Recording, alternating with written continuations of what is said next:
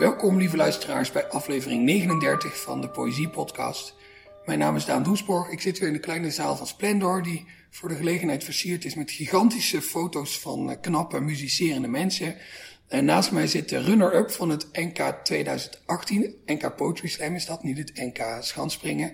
Haar bundel verschijnt uh, over ongeveer een week, zo eind september, begin oktober, bij de Bezige Bij. Welkom Asha Karami. Dankjewel. Hallo. Als uh, luisteraars naar de Nacht van de Poëzie gaan, dan kunnen ze bijvoorbeeld jouw bundel al kopen daar. Zo, zo snel verschijnt hij alweer. Volgens mij wel, ja, als het goed is wel. En anders uh, begin oktober ja. kunt u naar de winkel rennen. Jij hebt een gedicht meegenomen van Tao Lin. Ja. Wil je er nog iets over zeggen of gaan we er gewoon meteen naar luisteren en dan zeggen we er dan wel dingen over? Ik lees het wel eerst voor. Oké. Okay. Ja. Ik heb het vertaald naar het Nederlands. De titel is Je bent ergens in Florida op dit moment. Toen je tien was, vond je je vaders jachtgeweer met afgezaagde loop. We renden de straat op en zwaaiden het rond om mensen bang te maken. Toen je andere vrienden langskwamen, verstopten we ons en deden de deur niet open. Je was aardig voor me en maakte eten voor me. Je neef haalde een negatieve score bij Lasertag en we lachten hem uit. Je neef stierf in een auto-ongeluk en je vertelde me dat een dag op Instant Messenger, maar we hadden elkaar twee jaar niet gesproken. En ik wist niet wat ik moest zeggen. Dus deed ik alsof ik er niet was. En je liet je telefoonnummer achter en ik belde je nooit. Maar dit gedicht gaat niet over hoe we je neef niet hadden mogen uitlachen omdat hij een negatieve score had gehaald. En het gaat niet over hoe ik je niet had mogen negeren op Instant Messenger. Het gaat niet over mij of jou of je vader of je neef. Het gaat nergens over. Dankjewel. Waarom heb je dit gedicht gekozen om uh, vandaag mee te nemen? Ik kwam al snel bij Tao Lin, omdat hij een van de schrijvers was die mij op de een of andere manier uh, stimuleerde of inspireerde om ook te schrijven. Ik vervolg hem al heel lang. Uh, ik denk uh, sinds ongeveer 2010. dus voordat ik begon te schrijven. Het eerste boek um, was Shoplifting from American Apparel. Dat was afgeprijsd in ABC Amsterdam en ik weet, de titel sprak, me wel aan. En uh, ja, zo ben ik hem gaan volgen. En ik denk dat hij op de een of andere manier voor mij nieuwe dingen deed, omdat hij zich niet aan ja, de normale regels van proza en poëzie hield. En, en dat doorbreken van die regels, dat zette jou aan het denken om zelf ook te gaan schrijven? Of was er iets anders in zijn werk dat tegen jou zei: hey, moet je dit niet ook gaan doen? Ik denk allebei. Uh, dus er zit een soort directheid in. Hij vertelt dingen eigenlijk heel neutraal. En dat vond ik wel mooi. En eh, soms probeer schrijvers juist met een scène dus een gevoel bij je teweeg te brengen. En dat doet hij niet. Uh, dus show, don't tell eigenlijk. En hij brengt het juist neutraal. En op een gegeven moment zegt hij: uh, I was looking at her with a sad face of zo. Dus dan uh, schrijft het eigenlijk uh, juist wel uit wat hij voelde, waardoor het gevoel ook iets afstandelijks wordt bij hem. alsof hij er zelf ook niet bij kan. Dat vond ik wel mooi en ik vond dat juist harder aankomen dan show don't tell. ja. Het viel mij ook op dat verschillende recensenten los van elkaar het werk van Taolin als deadpan hadden omschreven, wat, waar volgens mij niet echt een Nederlands woord voor is, maar wat je gebruikt als iemand met een heel strak gezicht bijvoorbeeld een grap vertelt. En toen moest ik denken aan jouw uh, optreden op het NK Poetry Slam, twee jaar geleden bijna. En dat, daar zou ik ook wel dat label op plakken, denk ik. Ja. Dat jij heel goed met een, met een strak gezicht iets kan vertellen waardoor je denkt oké, ik vind dit grappig, maar is dat wel de bedoeling? En ja, en dit gedicht van Taolin is ook een beetje, er zitten een heleboel beelden in waar je niet echt iets mee kan. En waarvan je denkt, oké, dit is misschien bedoeld om inderdaad mij te ontroeren, maar dat zijn die beelden dan net niet op maat gesneden voor. Mhm. En toch ontstaat er een soort idee van die verstandhouding tussen die ik en die jij. Ja, ik denk dat, dat ik ook een soort natuurlijke, waarschijnlijk ehm, gemoedstoestand heb. Dat, ja, wat maakt dat ik dit ehm, begrijp of dat het me raakt. Of dat zijn werk mij raakt. Dus ja, ik kan me wel voorstellen dat ik dan ook een beetje op bepaalde manieren dit nader of zo in mijn werk. Of eh, ook zijn manier van voordracht. Ik, ja, ik denk dat bij hem persoonlijkheid een grote rol speelt. Omdat het altijd heel ja, hyper perso- persoonlijk is, zijn werk. Want ook in dit gedicht, hij maakt het dan eigenlijk... Ik weet natuurlijk verder niet, en dat doet er eigenlijk ook niet toe... of hij hiermee iets autobiografisch vertelt. Maar hij maakt het zo specifiek... dat je er als lezer al bijna van uitgaat. Ja, Omdat als je de details in dit gedicht zou verzinnen... dan zou je misschien passendere of, of bruikbaardere details verzinnen. precies. Bij- meer bijzonder of meer, ja, dat het eh, nog meer zou raken. Want het is net niet, inderdaad. Ja, ja. tegelijkertijd is het natuurlijk dan extra knap en ook extra goed als hij het dan dus wel gewoon imperfect verzonnen heeft. Mhm. Nou dat is misschien wel een groter kunststukje nog als schrijver. Ja, voor mij, heb, ja, ik krijg altijd het gevoel dat het eh, eh, ja, wel een beetje uit zijn persoonlijk leven is. Omdat hij ook verder als persoon ook heel erg open is en alles vertelt. Maar het interessante is dat je desondanks toch iets mysterieus overhoudt en eh, ongrijpbaars. Dus ondanks dat je heel open bent en al je gedachten vertelt, dus ook zijn ehm, smaak of zijn eh, visie op, vaccinatie of eh, nu op dit moment. zijn laatste boek ging over psychedelica. Volgens mij is dat dan heel, helemaal autobiografisch. En toch blijft er een onbereikbaar persoon over. In die laatste strofe doet hij dat eigenlijk ook. Hè. Daar hoort hij heel erg... Je verwacht dat er dan iets komt over hoe hij zich daarover voelt. Maar eigenlijk als een soort stuurse puber gooit hij de deur dicht en zegt hij... Nee, dit gedicht gaat helemaal nergens over. Ja, Maar is een pose aannemen die, eh, zonder emoties erin. Waardoor hij dus eigenlijk misschien wel verraadt dat hij er juist, de ik dan, en niet per Mm. se Taulin, maar dat hij er juist heel veel emoties bij heeft. Ja. Ja, inderdaad, je kan het dan een beetje zelf invullen. Want de eerste regels die zorgen ervoor dat je zelf een verhaal gaat maken. En dat je zelf emoties eraan gaat toekennen. Of bijvoorbeeld misschien schuldgevoel. Of dat dit gedicht een soort boetedoening is. En vervolgens ja, gaat hij dan aan het eind een beetje heel boeddhistisch eigenlijk ermee om. Van dit zijn gewoon losse dingen die gebeurd zijn. En verder betekent het niets. Eh, gaat het gewoon niet echt ergens over. Uh, en dan, ja, dat kan je dan een beetje zelf als lezer uh, invullen. Het opent eigenlijk een nieuwe lijn, een soort vluchtlijn is het aan het eind van de, dat je daar, daar dan weer allerlei andere dingen aan kunt ophangen. Ik vind het altijd een feest als iemand een eigen vertaling meeneemt. Vertaal je vaker gedichten in het algemeen of gedichten van Taolin? Nee, nee, dit heb ik uh, voor vandaag gedaan. Nee, niet zo vaak. Ik heb het wel eens geprobeerd, helemaal in het begin vooral. Want ik begon ook uh, te schrijven in het Engels, omdat ik uh, las in het Engels. En toen heb ik ook wat Nederlandse dingen naar het Engels vertaald. Maar dat gaat, ja, dat gaat echt heel moeilijk naar Nederlands. Dat gaat nog wel, maar niet zo vaak. Ik zou het wel vaker willen doen. Ik denk dat je er veel van kunt leren. En was het nu dan gewoon praktisch dat je dacht, ik wil, ik wil dit gedicht bespreken, maar dan in het Nederlands? Ja. Oh ja, oké. Okay. Ja. Maar het smaakt wel naar meer. Ja, als ik tijd heb. Ik heb echt bijna geen tijd. Maar wie weet. Maar het is vaak ook wel, tenminste dat vind ik zelf, ook wel een goede vingeroefening om een gedicht van iemand anders te vertalen. Omdat je het dan ook een beetje moet ontleden. Ja. En, en je dan iemand heel erg ook aan het werk ziet. Ja, ik vind het zelf niet erg om dingen niet te ontleden en ze gewoon intact te laten zoals ze zijn en niet helemaal uh, te doorgronden en op een gegeven moment te denken, oh wacht, hij doet hier dit. Ja, dat vind ik ook, um, dat, dat hoeft voor mij ook niet heel erg.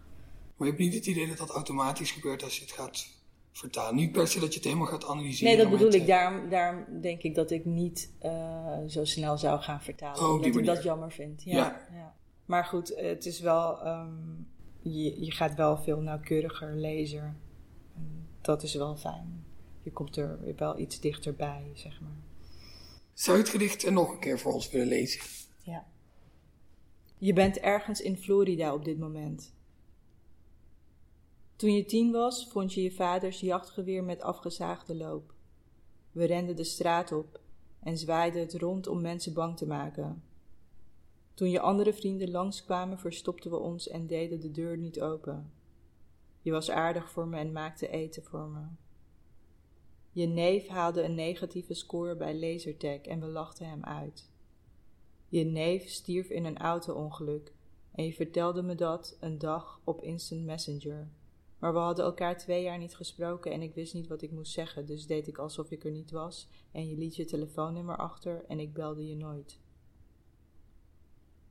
Maar dit gedicht gaat niet over hoe we je neef niet hadden mogen uitlachen omdat hij een negatieve score had gehaald.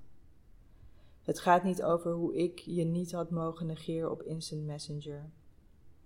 Het gaat niet over mij, of jou, of je vader, of je neef. Het gaat nergens over. Dankjewel. Je hebt ook een gedicht van jezelf uh, meegenomen. Is die eigenlijk uit je nieuwe bundel? Uh, ja, hij staat er wel in. Oh, ja. spannend. Ja. ja, ik heb een gedicht gekozen uh, dat ik wel vaker heb voorgelezen. Um, en ja, op zich wel een goede weergave is hoe ik soms schrijf. Dus ik dacht, dat is een goede om te bespreken. De titel is Mijn volgende leven gaat geweldig worden. Ik ben slecht in het onthouden van namen. Gezichten onthoud ik nog minder goed. Ik maak een wandeling om de megamaan te zien. Het is bewolkt. De megamaan zorgt ervoor dat alles helder wordt in je hoofd, las ik. Die nacht besluit ik mijn vader te chanteren voor 1 miljoen dollar en mijn naam te veranderen in Aya Rosso. Ik ga niet op zoek naar iets dat niet op zoek is naar mij. Heel hard zingen in het matras met een kussen op mijn hoofd zodat de buren het niet horen. Ik wil een sigaret en alle plastic in de wereld recyclen. Misschien ben ik secuur en analytisch. Daarmee bedoel ik dat ik kritiek serieus neem en nachten erover nadenk. Ik heb tools die niemand mag gebruiken. Thuis begin ik te remodelen. Ik verplaats de ficus en de tafel en de stoel en de muur en een raam en een raam en een raam. Dankjewel. Je zei dat dit gedicht volgens jou goed weergeeft hoe je schrijft soms ja, bij sommige gedichten heb geschreven. En wat, is, wat is hier dan karakteristiek als aan? Um, ja, dat is een beetje, uh, je zou kunnen zeggen, een week uit mijn leven. Uh, heb dit gedicht ongeveer in een week geschreven. En de dingen die in die week zijn voorgekomen, of ja, die ik heb gedaan, of dingen waar ik naar gekeken heb, die zijn dan zo in het gedicht beland. Dus het was uh, november 2016 dat ik dit gedicht heb geschreven. En uh, ja, de maan zou heel groot te zien zijn die week. En ja, de volgende keer dat de maan weer zo groot was, zou dan uh, eh, 2034 zijn. Dus ik en mijn vriend gingen een wandeling maken om die maan te zien. Maar het was bewolkt, dus die zagen we niet. En ik had die nacht dan een droom waarin ik mijn vader ging chanteren en uh, mijn naam zou veranderen en een nieuw leven zou beginnen, zeg maar. Dus ja, een beetje zo op die manier schrijf ik. ik. Ja, ik heb geen vooropgezet plan, meestal. En geen thema, maar um, ja, dingen die me dan opvallen of waar ik aan denk of die ik meemaak. Laatste strofe is bijvoorbeeld, uh, ik keek naar een, ja, film. Ik weet niet of je het een film kunt noemen experimentele film, eh, IB Area. En ja, die regels dan zijn eigenlijk uh, door het kijken daarnaar ontstaan. Ja, het heeft verder niks, denk ik, uh, met die film te maken. En dat afbrokkelen misschien aan het eind wel. Het ja, stotteren. Ik vond het zelf echt heel interessant hoe dit, hoe dit gedicht de hele tijd allemaal tegenstellingen presenteert. En dus, dus je hebt bijvoorbeeld die, die, die supermaan, uh, waar je dan zogenaamd helder van in je hoofd wordt. En, en dan direct daarna beschrijf je dat je inderdaad een soort, een soort plan ontwikkelt. Maar dat, maar dat plan is eigenlijk natuurlijk helemaal niet zo'n goed, zo goed idee om je, om je leven te veranderen. Uh, want je chanteert je vader. Maar te, en dan denk je van, oh, dus dat, dat, is, dat is eigenlijk met elkaar in tegenspraak. Aan de andere kant, het was bewolkt, dus misschien heeft die maan dan niet het juiste effect gehad. Uh, en bijvoorbeeld, uh, ik wil een sigaret en alle plastic in de wereld recyclen. Waar, waar dus een soort botsing tussen een hele particuliere wens en een soort wens voor iedereen. En dan aan het einde, waar je je huis verbouwt, uh, door, of je huis verandert door spullen te verplaatsen en ramen te verplaatsen. Wat natuurlijk ook een, een enorme tegenstelling is tussen, oh, ik, ik, zit in mijn huis en de, de indeling bevalt me niet, ik ga die even veranderen. Versus, ik, ik, ik verander de complete structuur van het gebouw. Mm -hmm. Dat viel mij op, dat, het dus, dat, je de hele tijd, dat er de hele tijd allemaal tegenstellingen op elkaar botsen. Steeds in een, in een andere manier. Dat vond ik er echt heel leuk aan. Niet per se een vraag. Maar... Ja. ja, dat gaat een beetje vanzelf. Ik denk dat ik het zo ervaar en dat het daardoor zo uh, op papier komt te staan. Het, het krijgt iets hectisch daardoor of zo. Ja. Um, iets chaotisch. Dat al die dingen naast elkaar bestaan. Zonder dat, ja, dat het per se verder met elkaar iets te maken heeft. Dat het gewoon naast elkaar bestaat. In die chaos zit denk ik ook een soort, soort samenhang. Want het is niet alleen maar een soort opsomming van willekeurige gedachten. Het voelt wel als een soort, als een soort geheel eigenlijk. Of, of vind je dat helemaal niet? Jawel, ik, ik, ik kies natuurlijk ook wel dingen die met elkaar resoneren uit. En uh, dat blijft dan over, want uh, ik denk dat ik in, in, die week veel meer geschreven heb, maar dat er wel een soort gevoelsmatige samenhang moet zijn. Dat het, um, ja, ik denk dat resoneren wel het woord is.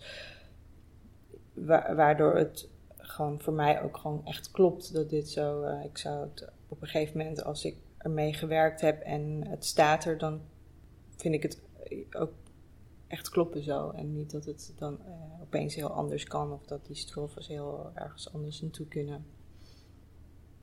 Of dat er andere dingen zouden kunnen staan. Ik weet nog dat.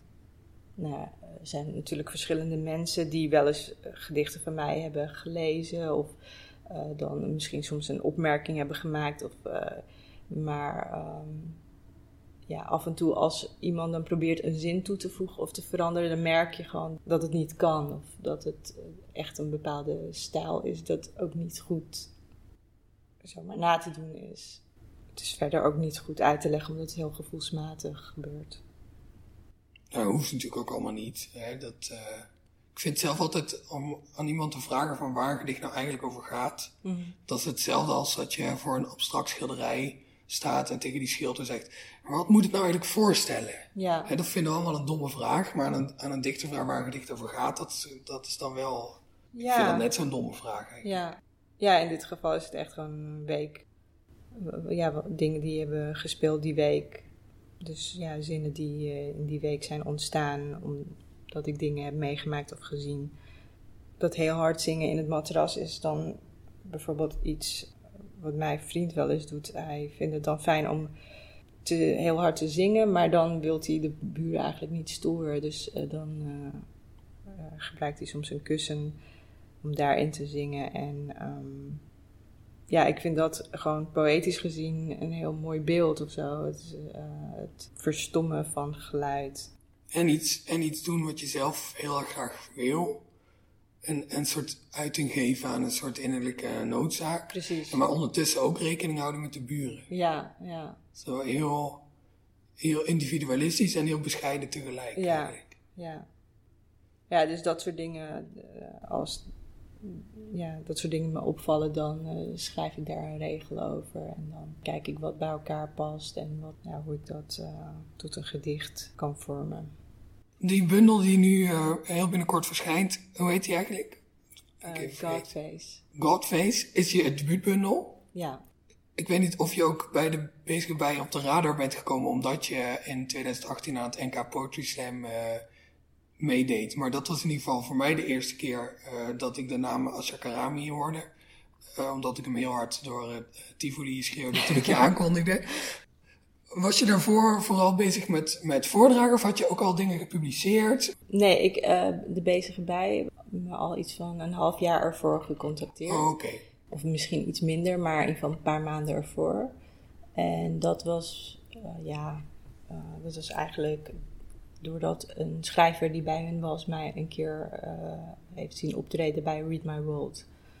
Nee, ik was niet heel erg aan het optreden. Ik was gewoon uh, heel erg aan het schrijven.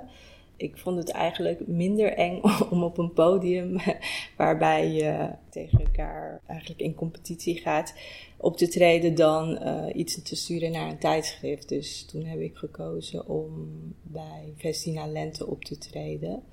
Uh, in 2017.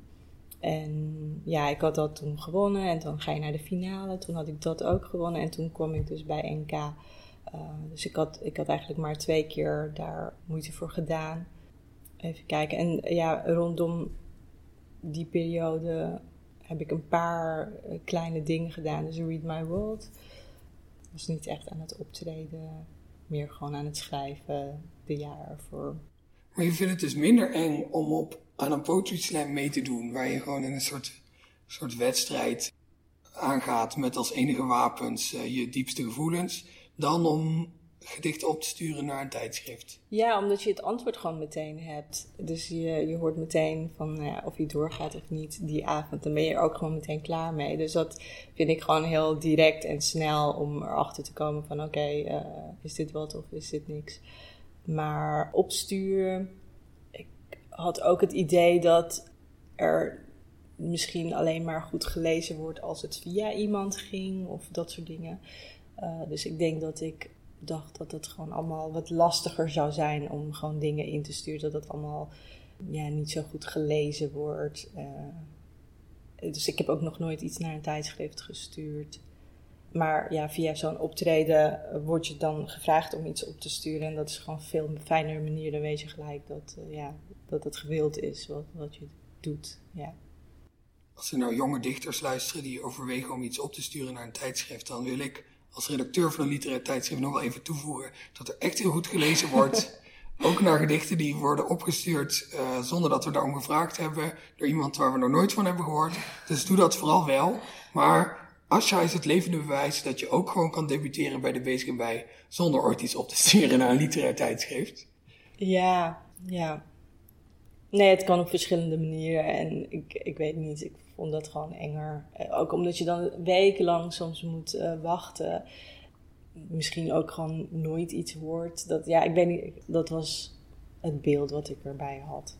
Ik denk dat ik het daar ook wel mee eens ben. De meeste mensen lijkt het denk ik enger om op een podium te gaan staan. En ja, van, van iemand die, die in dezelfde ruimte zit, op dat moment te horen wat hij ervan vindt. Maar ja, wat je zegt, het is ook wel, je weet ook wel gewoon meteen waar je aan toe bent. En echt heel onaardig doen mensen ook, ook niet. Ja, precies. Ja, hoogstens hoor je dat je gewoon niet naar de volgende ronde gaat en dan ben je gewoon klaar, ga je naar huis. Ja, dus uh, dat vind ik wel meevallen, dat kan ik wel aan. maar dat wachten, ja, dat vind ik gewoon niet zo fijn. Uh, en ook um, uh, uitspraken zoals, ja, we hebben geen affiniteit met het werk, daar heb je ook niet zo heel veel aan. Van, wat betekent dat? Moet ik dan wel doorgaan of niet? En, ja, en dit werkte gewoon heel goed toen bij mij. Dus ik hoefde verder ook niet over andere dingen na te denken. Daarna werd ik gewoon gevraagd om dingen op te sturen. Dus ik heb gewoon daarin geluk gehad dat het gewoon zo uh, makkelijk ging op een gegeven moment. Anders had ik misschien ook wel wat moeten opsturen uiteindelijk. Het mooie van een podcast is dat er helemaal niemand een oordeel geeft. Niet nu meteen en ook niet over een paar maanden. Zou je het gedicht nog een keer voor ons voor willen dragen? Ja. Mijn volgende leven gaat geweldig worden. Ik ben slecht in het onthouden van namen. Gezichten onthoud ik nog minder goed. Ik maak een wandeling om de megamaan te zien. Het is bewolkt. De megamaan zorgt ervoor dat alles helder wordt in je hoofd, las ik. Die nacht besluit ik mijn vader te chanteren voor 1 miljoen dollar en mijn naam te veranderen in Aya Rosso. Ik ga niet op zoek naar iets dat niet op zoek is naar mij. Heel hard zingen in het matras met een kussen op mijn hoofd, zodat de buren het niet horen. Ik wil een sigaret en alle plastic in de wereld recyclen. Misschien ben ik secuur en analytisch. Daarmee bedoel ik dat ik kritiek heel serieus neem en er nachten over nadenk. Ik heb tools die niemand mag gebruiken. Thuis begin ik te remodelen. Ik verplaats de ficus en de tafel en de stoel en de muur en een raam en een raam en een raam. Dankjewel, Asha Karami. Ja, dankjewel. Dit was aflevering 39 van de Poëzie Podcast. Die wordt gemaakt door mij, Daan Doesborg, in samenwerking met de Stichting Literaire Activiteiten Amsterdam en Vrij Nederland. Als u nou denkt, wat een leuke podcast, en u luistert deze podcast in uh, bijvoorbeeld iTunes, laat dan een mooie recensie achter met een heleboel sterren, of met heel weinig sterren als je het heel stom vond. En dan vertel ik dat gewoon niet aan, uh, aan Asja, dat er toch uh, feedback is gekomen op deze aflevering. Op 28 september vindt in Tivoli in Utrecht de Nacht van de Poëzie plaats. Uh, ik ben daar ook om een aantal dichters uit de festivalprogrammering uh, te interviewen. Als je nog geen zin hebt om naar de Nacht van de Poëzie te gaan, kunt u ook gewoon een maandje wachten. Want dan komen die interviews als aflevering van deze podcast als vanzelf in uw podcastfeed terecht. Uh, maar je kan dus ook naar de Nacht van de Poëzie, dat is heel erg leuk. Asher Karami staat ook op de Nacht van de Poëzie dit jaar. die is nu al in deze podcast. De muziek bij deze podcast is gecomponeerd door Bart de Vrees. Hij wordt ongeveer nu ingestart. Heel hartelijk bedankt voor het luisteren en graag tot de volgende keer.